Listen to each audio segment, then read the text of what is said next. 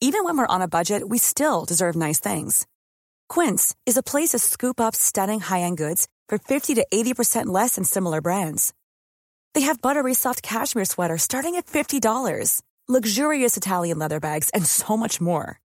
Plus, Quince only works with factories that use safe, ethical, and responsible manufacturing. Get the high-end goods you'll love without the high price tag with Quince.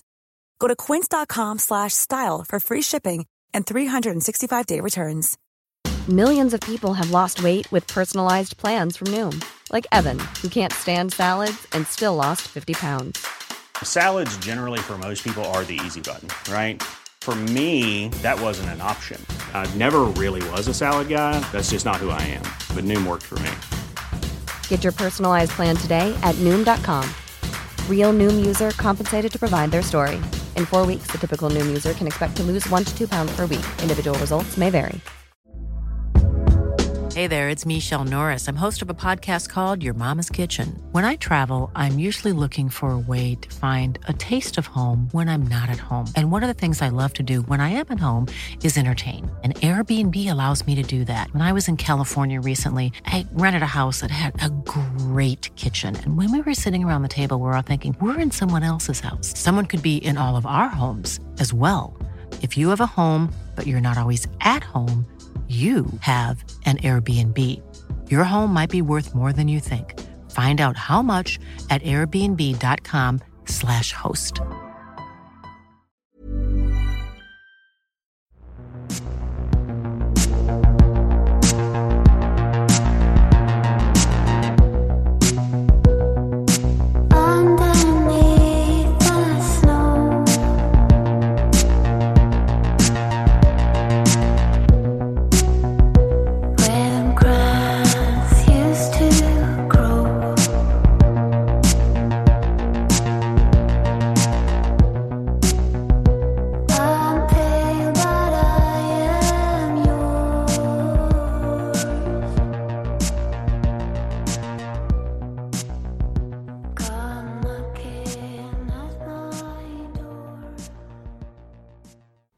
Olösta mord, Biggie och Tupac del 4. Jag heter David Oskarsson och det är jag som har skrivit detta avsnitt. Varning! Olösta mords avsnittsserie om Biggie och Tupac kommer innehålla noggranna beskrivningar av hur brutala skjutmord sargar en människas kropp. Beskrivningar av våld samt våldtäkter och sexuellt ofredande kommer att förekomma. Även språk som av många kan uppfattas som stötande. Om du är det minsta känslig för innehåll av detta slag, överväg att lyssna på ett annat avsnitt. Obs! om språket i avsnitten. Vi har gjort tämligen försvenskade översättningar av många av de uttalanden som rapparna har gjort, som inte är helt i enlighet med vad de faktiskt säger. Detta för att det ska bli enklare att förstå för dig som lyssnar. Och för att många slanguttryck saknar perfekta motsvarigheter på svenska. Det här är en podd som bara ställer frågor och aldrig ger några svar. Vad tror du själv? Kontakta oss gärna med dina teorier om fallen vi tar upp. Kontaktinformation finns i avsnittstexten i din poddapp och i slutet av avsnittet. I förra avsnittet avslutade vi med att berätta om Sourcegalan 1995. Både rappare från öst och väst vann fina priser, men alla från västkusten befann sig på bortaplan då tillställningen ägde rum i New York. Suge Knight sade några hårda ord om Puff Daddy från scenen, vilket resulterade i burop. Snoop Dogg kom till Dr. Dres försvar när den senare blev buad då han skulle ta emot pris för årets producent. Och Puff Daddy själv försökte mäkla fred mellan de två falangerna. Vi ska påminna om att det är andra gången det finns uppgifter om att Puff Daddy ville få ett slut på konflikten. Första gången var när han besökte Tupac på Rikers Island-fängelset efter att Tupac gjort en intervju med tidningen Vibe, men innan den publicerades den 15 januari 1995. Det är svårt att inte se det som att Puff Daddy var en fredens fanbärare i konflikten medan Shug Knight verkade angelägen om att elda på den. Men lyckligtvis slutade inte Source-galan i något våld. Den 23 september 1995 befann sig Suge Knight och Snoop Dogg på Platinum Club i Atlanta i delstaten Georgia. Anledningen till detta var att de skulle fira vännen Jermaine Dupri som på detta datum fyllde 23. Jermaine Dupri är möjligtvis mest känd för att han var den som upptäckte och sedermera producerade rapduon Criss Cross. Criss Cross var Chris Mac Daddy Kelly och Chris Daddy Mac Smith när de slog igenom endast 13 och 12 år gamla. Om du som lyssnar inte vet vilka de är på bara namnen, gör dig beredd på nostalgichock. Det var duon som tidigt 90-tal väckte stor uppmärksamhet för att de hade på sig sina enorma jeans bak och fram. Något som många av oss såg på omslag för tidningen Okej okay när det begav sig. Det som skulle ske på Platinum Club var en efterfest. Shug Knight och Snoop Dogg kom dit i sällskap med Chai Hassan Jamal, Jake the Violator Robles. Ett ganska långt namn så Hai Hassan Jamal Jake the Violator Robles, även känd som Big Jake, en nära vän till Sugar Knight och en av Death Row Records skyddslingar. Men inte bara det. Jake the Violator var även en Blood. Bloods är ett av de två stora gängen i Los Angeles, kända för sin brutalitet och lojalitet, som från och med det tidiga 70-talet fram till idag ligger i fejd med Los Angeles andra stora gangstergäng, Crips. Bloods är kända för sina rödfärgade attribut, kepsar, tröjor, skor etc. Men kanske framför allt för deras bandanas, som ofta bärs hängande från bakfickan för att signalera tillhörigheten. Crips motsvarighet är samma saker fast med den blå färgen. Om du som lyssnar vill lära dig mer om Crips och Bloods rekommenderar vi dokumentären Crips and Bloods Made in America från 2008. Bloods bildades ursprungligen av medlemmar från ett gäng vid namn Pyrus i Compton i Kalifornien. Pyru syftar till en gatuadress i Compton men står enligt medlemmarna även för Powerful, Indestructible, Revengeful, United eller Powerful, Indestructible, Ruthless, Untouchables. Idag är Pyrus och Bloods relativt synonyma med varandra då det ena gänget sprang ur det andra och de är fortfarande allierade med varandra. Både Pyrus och Bloods är inordnade i flera olika smågäng och det var i ett av dessa som både Shug Knight och Jake the Violator var hemmahörande, M.O.B. Pyrus. Enkelt kan man säga att alla på Death Row Records och e i Suge Knights närhet var trogna Bloods och Pyrus även om samtliga inte var fullvärdiga medlemmar. If you thought the only way to get a more defined jawline with natural looking results was through surgery, think again. Juvederm Volux XC is a non surgical injectable gel filler that improves moderate to severe loss of jawline definition and can help you achieve natural looking results with little downtime. Even better, this improved definition lasts up to one year with optimal treatment. No maintenance required. Improve jawline definition for a smooth, sculpted look with Juvederm Volux XC. For important safety information and to find a licensed specialist, visit juvederm.com. That's J U V E D E R M.com. Not for people with severe allergic reactions, allergies to lidocaine, or the proteins used in Juvederm. Common side effects include injection site redness, swelling, pain, tenderness, firmness, lumps, bumps, bruising, discoloration, or itching. There's a risk of unintentional injection into a blood vessel, which can cause vision abnormalities, blindness, stroke, temporary scabs, or scarring. Talk to a licensed specialist to find out if it's right for you. Hiring for your small business? If you're not looking for professionals on LinkedIn, you're looking in the wrong place. That's like looking for your car keys in a fish tank. LinkedIn helps you hire professionals you can't find anywhere else, even those who aren't actively searching for a new job but might be open to the perfect role. In a given month, over 70% of LinkedIn users don't even visit other leading job sites. So start looking in the right place. With LinkedIn, you can hire professionals like a professional. Post your free job on linkedin.com slash people today. Millions of people have lost weight with personalized plans from Noom, like Evan, who can't stand salads and still lost 50 pounds. Salads, generally, for most people, are the easy button, right? For me, that wasn't an option. I never really was a salad guy. That's just not who I am. But Noom worked for me. Get your personalized plan today at Noom.com. Real Noom user compensated to provide their story. In four weeks, the typical Noom user can expect to lose one to two pounds per week. Individual results may vary. Något som kan vara lite förvirrande här är hur Snoop Dogg, som alltid varit känd som en fullvärdig medlem i Crips, specifikt falangen Rolling Twenties Crips, kunde hänga med ett så Bloods-betonat gäng som Death Row Records. När vi försökt efterforska i hur detta faktiskt förhåller sig är svaret aldrig glasklart, men ofta entydigt. Gängtillhörigheten betyder ingenting när det handlar om att tjäna miljontals dollar.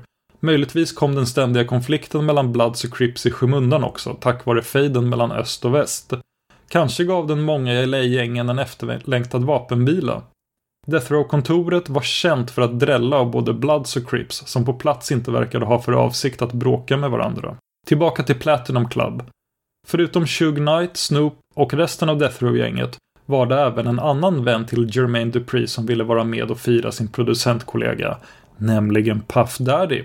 Puff Daddy var på plats med sitt Bad Boy Records entourage och en kusin som gick under smeknamnet Wolf, men som i själva verket heter Anthony Jones. I Randall Sullivans bok A Labyrinth, A Detective Investigates the Murders of Tupac Shakur and Notorious B.I.G. från 2003 kan man läsa att ett sheriffbiträde från Fulton Countys sheriffkontor, Chris Howard, arbetade ur tjänst denna kväll som dörrvakt för Platinum Club. Klockan var 04.00 på natten när sheriffbiträdet blev varse att ett bråk mellan Death Row-gänget och Bad Boy-gänget var nära förestående. Sugar Knight och Jake the Violator stod i en aggressiv position mot Puffys kusin Wolf och fyra andra män som sheriffbiträdet där och då identifierade som Crips-medlemmar. De fyra männen skulle senare benämnas som citat Puff Daddys livvakter, slutcitat, vilket Puffy själv förnekade. Sheriffbiträdet Howard lyckades avstyra bråket och beordrade sedan Wolf och de andra fyra männen att lämna klubben medan Shug och Jake the Violator stannade kvar en stund. Detta för att Wolf och de andra skulle få tid att lämna platsen innan det uppstod ett nytt bråk på gatan. När Wolf lämnade lokalen kom även Puff Daddy efter honom. Efter bara fem minuter tyckte Shug och Jake att de hade väntat tillräckligt och lämnade lokalen. På gatan utanför stod deras förbokade limousin och väntade på dem. Så fort Shug och Jake satt sig i limousinen kom Wolf och de andra fyra männen gåendes bredvid limon och detta ledde till att Shug och Jake klev ur fordonet lika snabbt som de hade satt sig i det. Sheriffbiträdet kunde på håll se att Wolf bar en pistol. Biträdet drog då sitt eget vapen och sprang efter Wolf som försökte fly från platsen. Biträdet tappade bort Wolf bland ett par parkerade bilar. Innan han hann tillbaka till platsen där limon stod parkerad hörde han ett antal höga smällar. Pistolskott. Tre stycken totalt. Det skulle visa sig att Jake the Violator Robles hade blivit skjuten i bröstet. Han låg på marken i en blodpöl och var mycket illa däran. Shug Knight stod bredvid honom. Sheriffbiträdet blev vittne till att Puff Daddy, trots allt, gick fram och frågade Shug vad det var som hade hänt. Shug hade då pekat på sin blödande vän på marken och sagt till Puffy Du har något med det här att göra. Vidare vittnesmål från sheriffbiträdet Howard menade att Puffys kusin och livvakt Wolf hade räckt över sitt vapen till någon annan i Puffys gäng när Howard jagade honom. Denna person ska sedan ha skjutit Jake the Violator, hoppat in i en bil och lämnat platsen. Howard kunde aldrig ingripa med sitt eget vapen för att det snabbt blivit en stor folksamling på gatan utanför klubben. Risken att träffa oskyldiga människor i en eldstrid var för stor. Skjutaren blev aldrig identifierad. Mordvapnet hittades aldrig. Shai Hassan Jamal, Jake the Violator Robles, även känd som Big Jake, avled på ett sjukhus i Atlanta några veckor senare. Han blev bara 24 år gammal. Och nu var konflikten mellan öst och väst värre än någonsin tidigare. Men trots det stannade inte Shug Knight av i arbetet med sitt skivbolag. Trots det som nu hänt hade han fått blodad tand av Dr. Dre's och Snoop Doggs framgångar med The Chronic och Doggy Style. Och Shug såg en tämligen opportunistisk möjlighet som passade som handen i handsken med den pågående öst och västkonflikten. Och detta fick Shug att söka upp en LA-broder han inte tidigare arbetat med. NLA-broder som satt bakom lås och bom på Clinton Correctional Facility. Nämligen Tupac. Suge Knight lovade Tupac guld och gröna skogar om han valde att skriva kontrakt med Death Row Records. Och nu är det framför allt två saker som är särskilt relevanta att nämna. 1. Suge visste att Tupac var på dekis på grund av inställda konserter som i sin tur innebar ett synnerligen strypt pengainflöde Plus alla de hundratusentals dollar Tupac tvingats lägga på rättegångskostnaderna för våldtäktsanklagelsen. Shug var väl medveten om att Tupac rimligen inte skulle kunna säga nej till erbjudandet. 2. Shug visste ju även att Tupac hade ett horn i sidan åt Biggie, Puff Daddy och resten av Bad Boy-gänget sedan skjutningen på Quad Studios. Trots att inget var bevisat och trots att Puff Daddy personligen försökt mäkla fred med både Tupac och Suge Knight vid flera olika tillfällen. Vi berättade tidigare att Biggie, medan han och Tupac fortfarande var vänner, oroade sig för det umgänget Tupac valde att omge sig med. Detta gäller framförallt Haitian Jack, även känd som Chuck Agnant, den kriminella producenten och promotorn, och James Jimmy Henchman Rosemond, Haitian Jacks kompis. Frågan var om Tupac inte skulle gräva sin grav ännu djupare om han slog ihop sina påsar med någon som inte bara var kriminell utan även en medlem i det ökända och brutala gänget Bloods. Men det var just det som Tupac valde att göra. Det är dokumentär efter dokumentär och artikel efter artikel som beskriver Tupacs liering med Death Row Records som faustisk, det vill säga att han skrev ett kontrakt med djävulen. Någon gång tidigt i oktober 1995 hade Tupacs advokater lämnat in en överklagan för domen för sexuellt ofredande. Suge Knight kunde nu, med pengar han lånat från både Interscope och Time Warner, punga ut med 1,4 miljoner dollar för att betala Tupacs borgen. Detta skulle idag vara lite mer än 2,7 miljoner dollar. Med andra ord nästan 29 miljoner svenska kronor. Interscope fungerade vid denna tid som Death Rows distributör och med det var Tupac ute på fri fot den 12 oktober 1995. Detta är markant annorlunda mot hur lagen fungerar, till exempel här i Sverige. Och det finns skillnader mellan olika amerikanska delstater. Men det fungerade ungefär så här. Då Tupacs advokater gjort en överklagan har Tupac rätten att vara frisläppt under den tid det tar för överklagandet att processas då ju överklagandet faktiskt skulle kunna leda till en ny friande dom. Möjligheten till detta beror förstås på vad för slags brott man blivit dömd för och vad man tror att det kan finnas för risker med att tillfälligt frige någon. Men notera också att det var en enorm summa pengar som krävdes. När Tupac klev ut ur fängelset satt Suge Knight och väntade på honom i en vit limousin. Den körde till flygplatsen och därifrån bar det sedan av hem till Los Angeles. På väg från flygplatsen till Death Row Records musikstudio firade Tupac, Shug och deras entourage med stora mängder champagne och marijuana. När de väl kom fram till studion tappade Tupac medvetandet och föll framstupa ner i marken. Hans vänner väckte honom till liv igen genom att stänka vatten i hans ansikte och ruska om honom. Av vad det verkade hade Tupac blivit lite väl glad i rusmedlen så kort efter en längre fängelsevistelse. Då han inte hade haft tillgång till de här rusmedlen. Men Tupac var snart på benen igen och mer hungrig än någonsin tidigare på att spela in ny musik. Tupac påbörjade nu arbetet med det som skulle bli dubbel-CDn All Eyes On Me. En av tidernas mest hyllade och framgångsrika gangsterrap-skivor någonsin. De som kände Tupac har sagt att han vid den här tiden förvandlats till en helt ny person.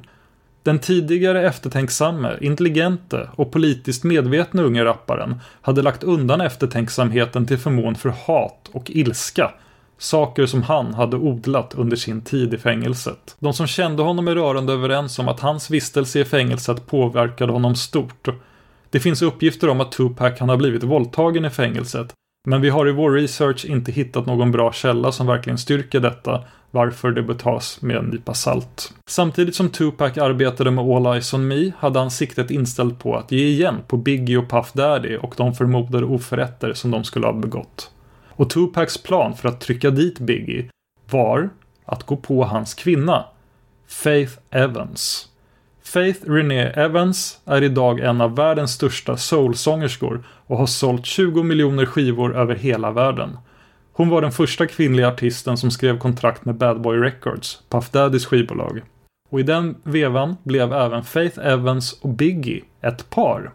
De två gifte sig den 4 augusti 1994 och skulle senare få sonen Christopher George Latour Wallace Jr tillsammans. Sonen är idag mest känd som CJ Wallace. Han föddes den 29 oktober 1996 och har sedan 2009 mest ägnat sig åt skådespeleri. Men där vi är nu, i oktober 95, ser inte relationen mellan Biggie och Faith Evans särskilt bra ut. De är fortfarande gifta, men separerade. De har båda vänstrat en massa. Det mesta pekar på att Biggie var den som fick förhållandet att knaka, när han kort efter hans och Faith Evans smekmånad började träffa andra kvinnor. Tupac såg det ändå som en smart plan att lägga in en stöt på Faith. I världens ögon var hon nämligen fortfarande fru till en av världens största rappare. Faith flög mycket fram och tillbaka mellan New York och LA i jobbärenden relaterade till sin egen musikkarriär. Detta resulterade i att hon, en kväll i Los Angeles, stötte ihop med Tupac. De två började prata med varann och Tupac gjorde allt i sin makt för att smickra Faith. Det ska sägas att lejonparten av denna information kommer från Faith Evans egen självbiografi. Någon skulle säkert vilja påstå att hon därför är jävig och på sin makes, alltså Biggies sida, när hon berättar om sina möten med Tupac. Samtidigt finns det inget som tyder på att hon ljuger. Tupac sa till Faith att han under sin fängelsevistelse lyssnat mycket på hennes musik, dagligen. Han frågade om hon kunde tänka sig att lägga en vers på hans nästkommande platta, All Eyes On Me. Faith skall ha tackat ja till erbjudandet för ett arvode på 25 000 dollar. Det är 550 000 kronor i dagens penningvärde. Efter detta sågs de två tillsammans i olika festsammanhang. When you drive a vehicle so reliable it's backed by a 10 year, 100,000 mile limited warranty, you stop thinking about what you can't do and start doing what you never thought possible. Visit your local Kia dealer today to see what you're capable of in a vehicle that inspires confidence around every corner. Kia, movement that inspires. Call 800 333 4KIA for details. Always drive safely. Limited inventory available. Warranties include 10 year 100,000 mile powertrain and 5 year 60,000 mile basic. Warranties are limited. See retailer for details. I retrospekt menar Faith att det är tydligt att Tupac gjorde allt för att få det att framstå som att det var något på gång mellan dem. Efter en festkväll sade Tupac att han skulle skicka en bil till Faiths hotell nästa dag som skulle plocka upp henne och skjutsa henne till hans studio så att hon skulle kunna lägga sin vers. Nästa dag visade det sig dock att Tupac inte skickade en bil. Så mycket som att han själv kom körande igen. Han plockade upp Faith och de åkte tillsammans till studion. Faith menar att hon blev chockad när hon såg att studion i fråga tillhörde Death Row Records. Det var inget hon kände till. Däremot kände hon till Shug Knights tvivelaktiga rykte. Vår källa, i detta fall nättidningen Slate, beskriver Faith Evans vistelse i studion som mycket kort och koncis. Hon sjöng in refrängen till Tupacs “Wonder why they call you bitch” och bad om sin check så fort hon var klar. Men Tupac sa då att de skulle åka tillsammans till hans hotell och att hon skulle få checken där. Väl framme insisterade Faith återigen på att få sina pengar. Då skall Tupac enligt Faith själv ha sagt Okej, okay, jag ger dig stålarna. Men då är du min bitchen. Du kan ju suga av mig vet jag. Faith Evans lämnade hotellet utan sin check. Bad Boy Records skulle senare hota med en stämning så att Tupac inte kunde ha med Faiths sång på låten hon spelat in till hans skiva. Faith Evans har alltid vidhållit, å det strängaste, att hon aldrig haft någon affär med Tupac. Detta skulle dock Tupac själv hävda, flera gånger i flera olika låtar. Den 30 november 1995 befann sig rapparen Randy Stretch Walker i New York i en studio tillsammans med rapparen Nas, en legendar inom hiphopvärlden. Om Stretch låter bekant kan det vara för att vi nämnde honom när vi berättade om skjutningen på Quad Studios i november 94. Stretch, som alltid varit en av Tupacs bästa kompisar, var en av dem i Tupacs entourage som blev angripna och under pistolhot fick lägga sig ner på golvet. Efter inspelningen med Nas skulle Stretch vidare till ett Biggie Smalls-evenemang. Stretch var vid tillfället i sällskap med sin bror som han släppte av i dennes hem i Queens Village innan han skulle åka vidare. På väg mot evenemanget körde en svart bil upp bredvid Stretch bil den svarta bilen innehöll två till tre män som öppnade eld mot Stretch. Det uppstod en biljakt som slutade med att Stretch kraschade med sin gröna minibuss vid 112 Avenyn. När ambulanspersonal kom till platsen vid 00.30 blev Stretch genast dödförklarad. Nu skulle man kunna tro att detta blev ytterligare bensin på den brasa som var fejden mellan öst och väst. Och det blev det kanske, men inte för Tupac och Death Row personligen. Tupac hade nämligen sedan ett tag tillbaka uteslutit Stretch ur sin vänskapskrets. Detta på grund av Tupacs paranoia. Han resonerade som så att eftersom ingen gav sig på Stretch nämnvärt vid skjutningen 94 trots att han var citat den största jäveln av dem alla slutcitat betydde det att han måste ha varit inblandad i komplotten på något vis. Den första låten Tupac skrev till All Eyes On Me, bara några timmar efter att han släppts från Clinton-fängelset, var den idag klassiska gangsterrap-dängan Ambitions as a Rider. Och den innehåller följande lyrik.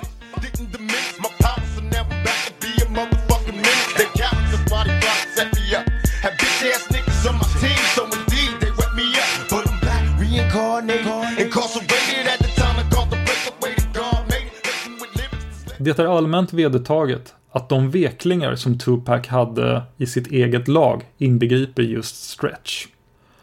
Mordet på Stretch vid midnatt den 30 november 1995 inföll nästan exakt ett år efter skjutningen på Quad Studios 94. Den ägde också rum den 30 november vid midnatt. Mordet på Stretch är idag olöst, men en vanlig teori är att han förolyckades på grund av att han stulit 10 bricks, alltså 10 stora paket kokain, av en narkotikalangare. Randy Stretch Walker blev 27 år gammal. Han är alltså en medlem i den inofficiella 27-årsklubben tillsammans med Kurt Cobain från Nirvana, Jim Morrison från The Doors, Jimi Hendrix, Janis Joplin och Amy Winehouse. I nästa avsnitt kommer vi berätta om när Snoop Dogg och hans entourage The Dog Pound skulle spela in en musikvideo i Brooklyn i New York som kan vara det enda tillfället i historien om Biggie och Tupac där Biggies östkustsida faktiskt gör sig skyldiga till en motattack. Missa inte det! Maila oss dina teorier om fallen som vi tar upp på simwaypodcast@gmail.com.